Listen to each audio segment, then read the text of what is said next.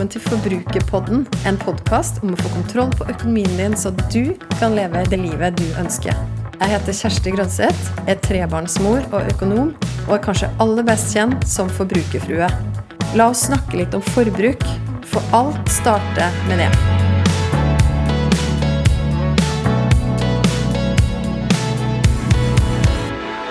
I dag i Forbrukerpodden så skal jeg svare på et spørsmål.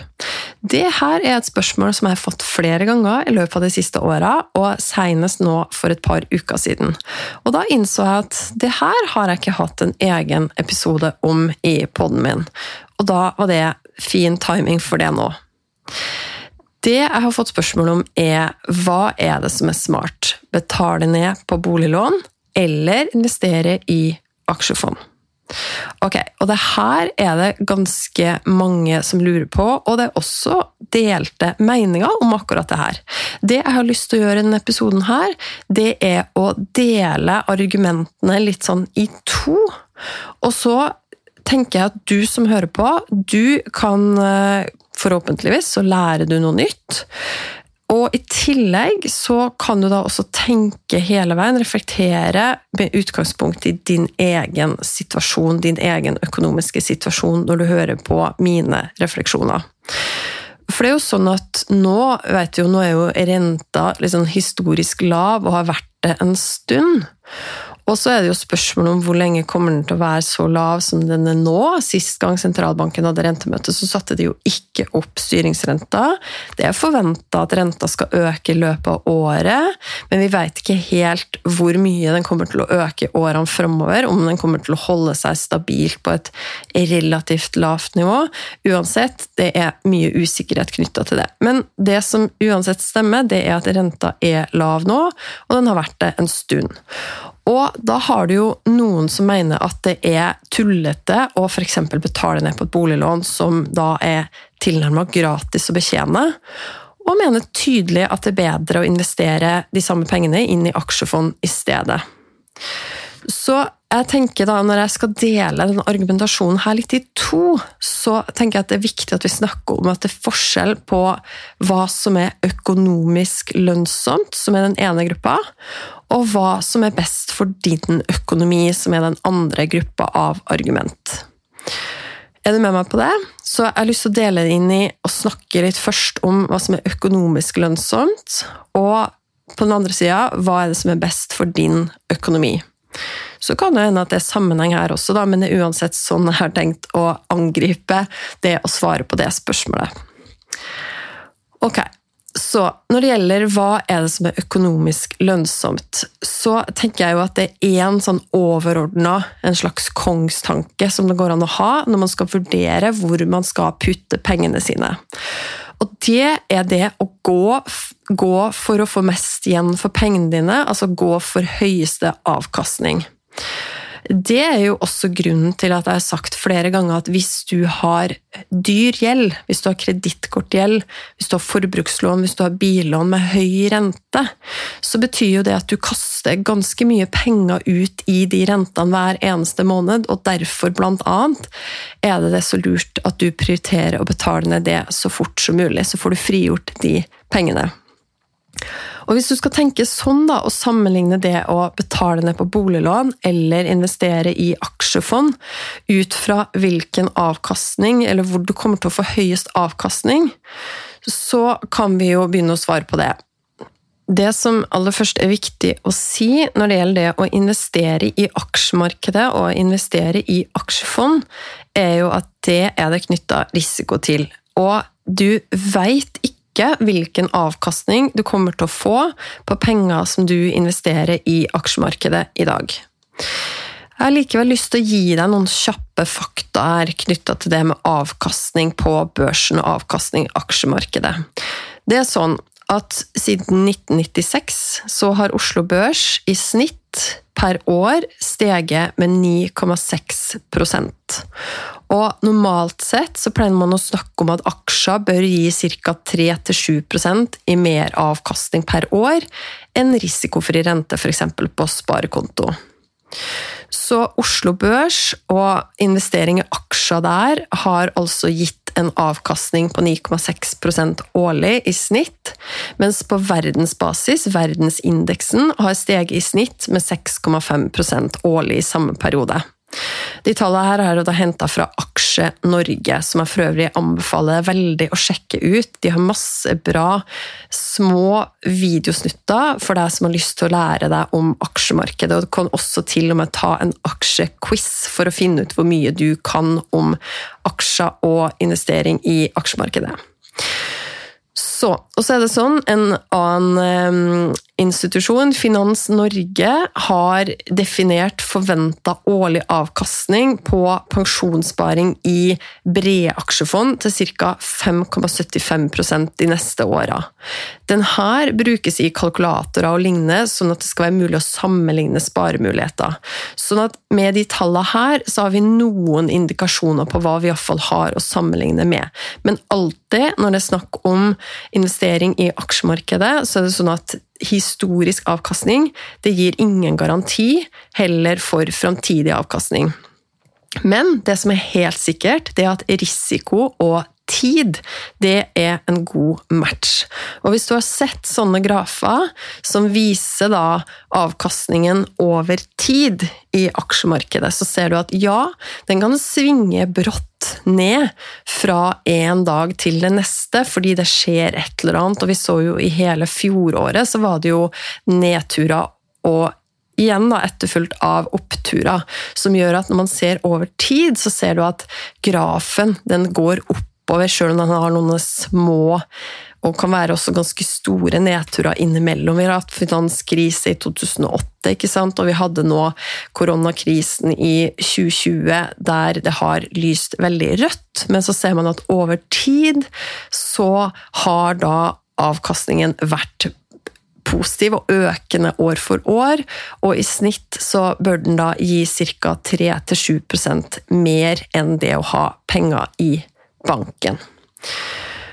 En annen ting som du kan ta med deg, er at hvis du går inn på et, en side som jeg liker veldig godt, som heter finansportalen.no, den gir deg oversikt over ulike aksjefond, så du kan sammenligne avkastningen de siste åra på konkrete fond som du vurderer å investere i. Igjen, historisk avkastning er ingen garanti for framtidig, men den gir deg likevel noe å sammenligne mellom også ulike fond. Og hvis det er sånn at, som jeg vet for mange av dere, så har dere begynt å investere sjøl, og hvis du har en aksjesparekonto, så har du jo alt det her veldig lett tilgjengelig i nettbanken din, og du kan sjekke der hvilken avkastning du har hatt. I løpet av hele perioden, hvis du går inn i aksjesparekontoen, så ser du hva hva markedsverdien av de pengene som du har der inne er, og så, og så ser du hvor stort skattefritt uttak du har. Det er to, to, tall som står helt enkelt tilgjengelig der inni aksjesparekontoen din i nettbanken. Og det skattefrie uttaket er jo det du kan ta ut uten å betale skatt av det, og det er sånn cirka likt det du har satt inn. Så hvis du vil regne veldig, på en veldig enkel måte hva du har hatt av avkastning, så kan du ta den markedsverdien minus det skattefrie uttaket, og så kan du ta, da finner du avkastninga di. Og hvis du tar den, avkastninga og deler på det skattefrie uttaket, altså det du har satt inn, ganger det her med 100, så får du avkastningen din i prosent i den eh, Altså forskjellen på det skattefrie uttaket, det du har satt inn og investert, og det som er markedsverdien av dine investeringer i dag. Så det er noen ting knytta til det å investere i aksjemarkedet. Men når det gjelder avkastning på betalende boliglån, der er det jo ingen risiko. Det er ingen risiko knytta til å til å betale det boliglånet, og den type sparing er jo helt risikofri. Og avkastningen vil jo hele veien være lik den renta du betaler inn på lånet. Nedbetaling av gjeld er altså risikofri sparing, og avkastningen er lik renta. Så hvis du kun skal tenke jeg vil gå for mest mulig avkastning på pengene mine, kan det altså se ut som det fort lønner seg å investere i aksjefond framfor å betale ned på boliglån, iallfall når renta er så lav som den er nå. Og apropos at renta er så lav som den er. Du har kanskje hørt flere ganger at du taper på å ha pengene dine stående på konto akkurat nå. Og det er jo sånn at pengene dine blir jo ikke mindre de, de taper, Du taper jo ikke, du må ikke betale noen, eller du, de blir jo ikke et lavere beløp. Men det er sånn at når man snakker om Eller det man mener når man sier det her, er det der med at pengene taper seg i verdi, og det du får i rente La oss si du kanskje får 1% rente, da, og så må du betale 22 eh, skatt av renteinntekten. Og så trekker du da i tillegg fra inflasjon eller prisstigninger, som betyr at du egentlig sitter igjen med en negativ rente, eller realrente etter skatt. Det vil si at pengene dine de krymper med den negative realrenta. Og det er jo veldig spesielt nå når renta er så lav, det du får i avkastning av å ha pengene på konto er så lavt, og inflasjonen er høyere, da blir realrenta negativ. Det vil si at du får mindre igjen for de pengene som har stått der da, hvis de står der et år.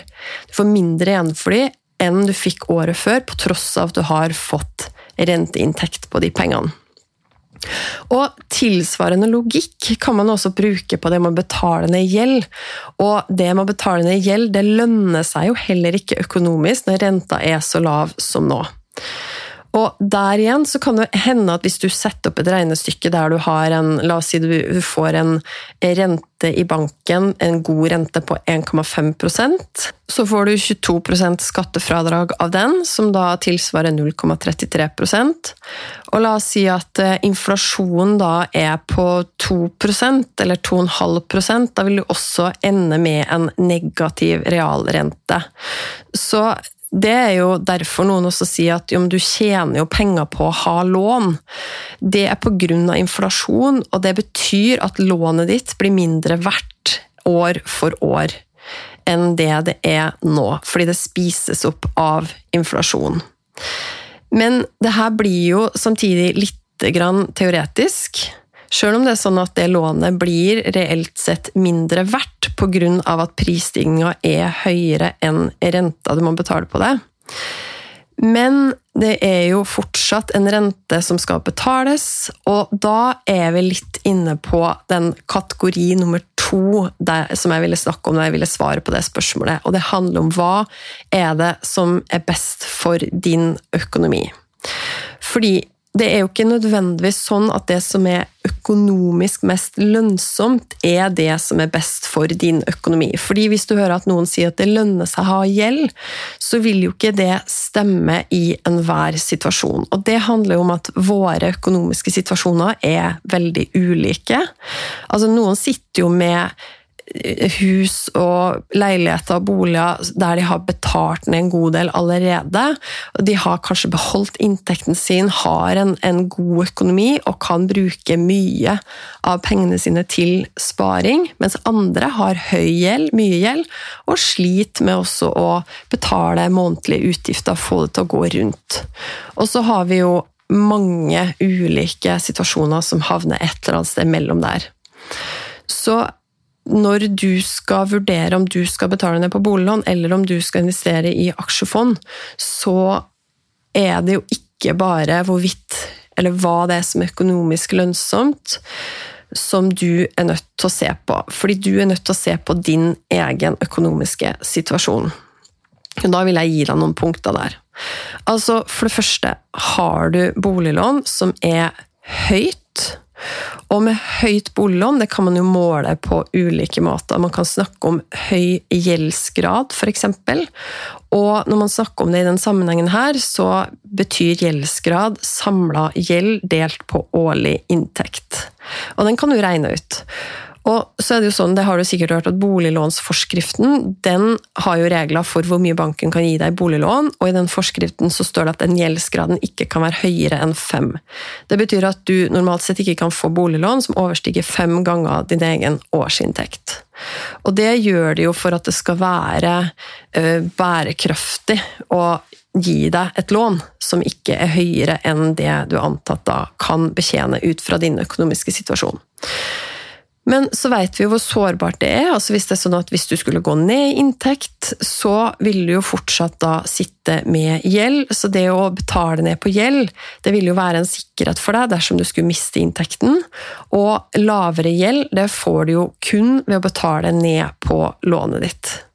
Så har du en høy gjeldsgrad, og er lånet ditt en stor del av de månedlige utgiftene dine, så er det fornuftig for deg å fokusere på å betale ned gjeld, fordi at du er mye mer sårbar hvis du f.eks. skulle miste inntekt. Nå er det verdt å nevne også at boliglånet er jo kanskje noe av den gjelda som har lavest rente, uansett. Så hvis det er sånn at, som jeg nevnte i sted, at du har dyr, dyrere gjeld, som kredittkortgjeld, hvis du har forbrukslån eller hvis du har billån, så pleier jeg å si at jeg anbefaler å fokusere på å betale ned mer og ekstra på det og kvitte deg med den gjelda først. I tillegg så er det jo veldig, veldig fornuftig å ha en buffer på konto minst 10 000 kroner, det jeg kaller en krisebuffer, sånn at du er sikra mot i hvert fall små, og noen også litt større økonomiske kriser. Og etter hvert også, når du har betalt ned dyr gjeld, sørge for å få bygd deg opp en superbuffer. Og den kan jo være på rundt mine på tre måneders levekostnader, men det kommer jo også igjen an på din økonomiske situasjon, hvor mye du eier og hvor mange du har å forsørge osv. Så når du er der, da, at du har betalt ned dyregjeld, og når du har bygd bufferen og lurer på om du da skal betale ned ekstra på boliglånet, eller om du skal investere i aksjefond, så handler det om å f.eks. se på gjeldsgraden din. Altså hvor sårbar er du hvis du f.eks. skulle gått ned i inntekt. Og punkt nummer to hvis det var punkt nummer én, som handla om gjeldsgraden. Så punkt nummer to handler om å være sårbar overfor renteøkning. Og det sier jo seg sjøl at jo lavere gjelda er, jo mindre påvirker det økonomien din at renta øker. Og vi vet at den kommer til å øke, vi vet ikke hvor mye og hvor fort. Men uansett, jo mer gjeld du har, jo mer sårbar er du overfor renteøkning. Sånn er det, og det kommer til å slå rett ut på de månedlige utgiftene dine. Og så Neste punkt handler om belåningsgrad. Og her kommer det jo flere begrep, men belåningsgrad det er hvor stor andel lånet ditt er av verdien av boligen. Og det er sånn at eh, belåningsgraden når du får et boliglån, så eh, er jo den i utgangspunktet ikke høyere enn 85% dvs. Si at du må ha 15% egenkapital. Og det er sånn også at jo lavere du får den belåningsgraden, jo bedre rentebetingelser får du hos banken.